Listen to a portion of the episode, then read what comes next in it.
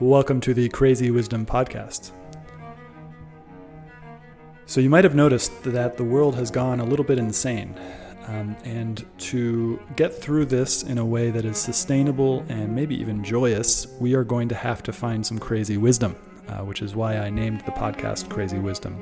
And I try to find guests who are both contrarian and right, uh, as well as people who can help us to understand how we can get through this period of both acceleration as technology accelerates and maybe even a little bit of darkness uh, as well as some of you may have been noticing.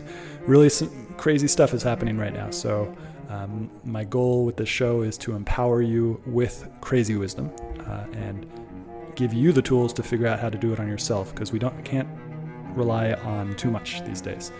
Uh, so, with that being said, if you like what I'm offering with this show, I'm on Twitter at Stewart Alsop III. My DMs are open. I'd love to hear from you about how this show has affected you. Thanks. Have a great day. Welcome to the Crazy Wisdom Podcast. This is a special series I'm doing on some of the adventures I've had around the world and what has led me to view the world as I do. So, with each of these, I'll be recounting a story from the past a funny story, a crazy story, any sort of story where I've learned something nuanced or interesting about the difference that culture has and uh, just this crazy world that we live in. Um, so, this next one is going to be about my time trying to find a place in Southeast Asia where the internet had not fully developed and hadn't started to affect people. Um, when I started living in Thailand in 2008, the internet had already reached most places, uh, particularly in Bangkok and other places. I remember I got there in August of 08, and I remember watching the Olympics uh, there. And uh, I noticed that in Thailand, as a tourist hotspot, you know, since the 1970s.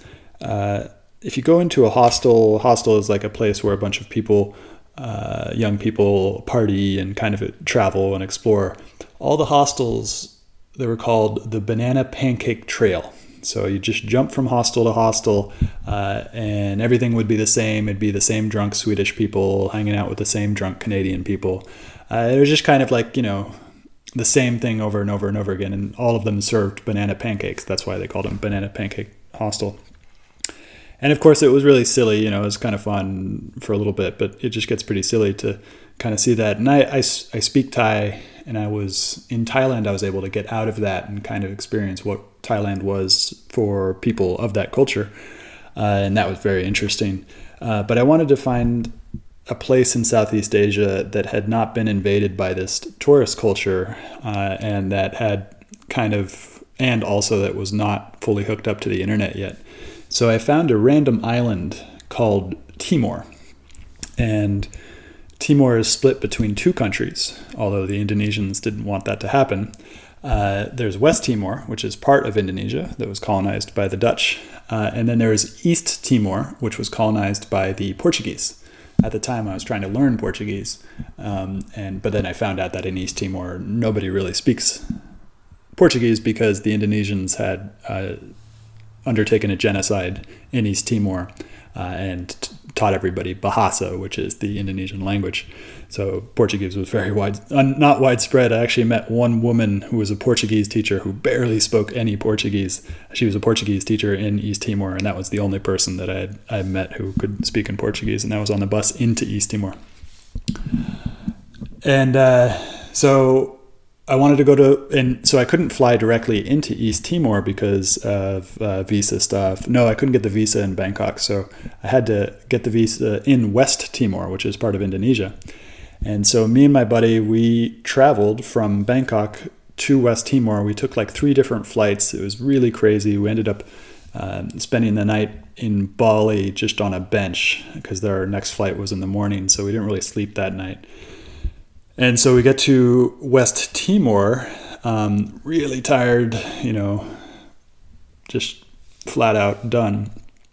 And then we had to, I had found a couch surfer and couch surfing is a beautiful website. It was much better when I was using it, uh, which has kind of opened up this whole new world of finding people from local cultures to show you around and uh, house you in their house and kind of get a really in-depth experience as to what it is to live in that culture. And so we arrived in West Timor, and I had found this nice woman, Beth, who uh, was the only couch surfer in Kupang, West Timor. And so me and my friend, we rent motorcycles and then we try to find the address of this person. I can't even remember what happened, but it was crazy, like two or three hours trying to find this this person's uh, address uh, using these motorcycles that we had rented. And we finally get there after a huge amount of travel. We're so tired, uh, and we meet Beth. And Beth has a whole family. They're all artists. They're all local artists from uh, from Kupang. Beautiful house. Uh, they gave us this little room, and as soon as we get there, she's like, "Okay, let's let's go." Uh, to, my friend is going to show you this awesome swimming hole. So we go to the swimming hole. It was beautiful. It was awesome. Uh, very tired, and then we come back, and now there's this thing that I discovered in this uh, experience was that there's a sort of hospitality fatigue, particularly for people from the West who are pretty individualistic and you know part of this nuclear family type of thing and and we don't have this like these long codes of hospitality although of course we do have hospitality. Um, but it's like in in timor like you you are the guest and so you have an obligation to be the guest. Uh, and so there's a pressure an unsaid pressure it's all subtle it's not direct uh, that you will do the things that the host wants to show you uh, in order to give proper respect to that culture. And so uh, so she uh, we go to our room, get a little like 20 minute rest, and then dinner time. And so during dinner, it was great. Beth is the only one who speaks English. Everybody else doesn't speak any English. Uh, and so Beth and the family show us how to do the traditional greeting um, that they do in West Timor. Uh, if any of you know what an Eskimo kiss is, this is this is this is the uh, uh how they greet people, including strangers. So the Eskimo kiss is basically you go stare the person directly in the eyes and then you move your nose to their nose and you rub noses together and you keep your eyes open the entire time. One of the most intimate and to me sort of sort of invasive uh, cultural greeting I've ever experienced. Uh, and so they show us how to do this at the dinner. My friend who's traveling with me is is pretty shy and he's sitting next to the father, the patriarch of the family, who's this artist and seems like a really just chiller dude, really cool. Uh, and so the father proffers his head to my friend, and uh, my friend, not really knowing what was going on, uh, accidentally kisses him on the lips. and the look on the father's face is like, um, hmm, just total like surprise, awkwardness, and uh, and uh, so then you know we finish dinner. Uh, we've learned the greeting, and we're like, okay, finally we can rest after this long journey and get some sleep. And and it's like 8 p.m., 9 p.m., something like that. And then Beth is like, oh, okay, guys, time to go to a funeral. And so she, we were like, okay, let's go to a funeral. Well, that was unexpected. And so we jump on the motorbikes again. We follow Beth. Beth takes us to this funeral. And we get to the funeral, and it is looks like a party. People in, in West Timor, they don't they, they don't really treat death as this just like final end. This everything is over. It's screwed. You know, like sadness. You know, of course, there's sadness, but um, uh, they treat it as a celebration of, of, of, the lives. And so it was a very lively atmosphere, people laughing, playing, kids running everywhere. It was just, you know, you wouldn't have been able to tell that it was a funeral. And so we get there talking to a bunch of people, and then Beth is like, okay, now it's time for you to meet the family of the guy who died. And so she takes us into this room where there's the open casket. You can see the, the dead person right there, uh, fully open and there's about six women, all of whom are in some relationship to the to the person who had died. And Beth is like, "Okay, now greet everyone." And so uh, I go up to each person who I did not know, and I look them directly in the eyes, and I put rub my nose against their nose, just like the most awkward social anxiety I've ever felt in my life. Uh, and uh, Trevor ended up uh, he couldn't do it. He could only do do my friend Trevor. He, he could only do like three uh, three three uh, three noses.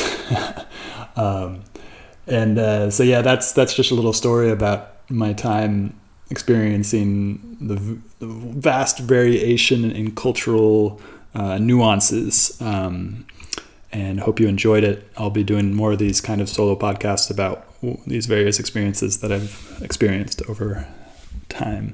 Have a great day. Hope you enjoyed it. Hope you enjoyed this episode.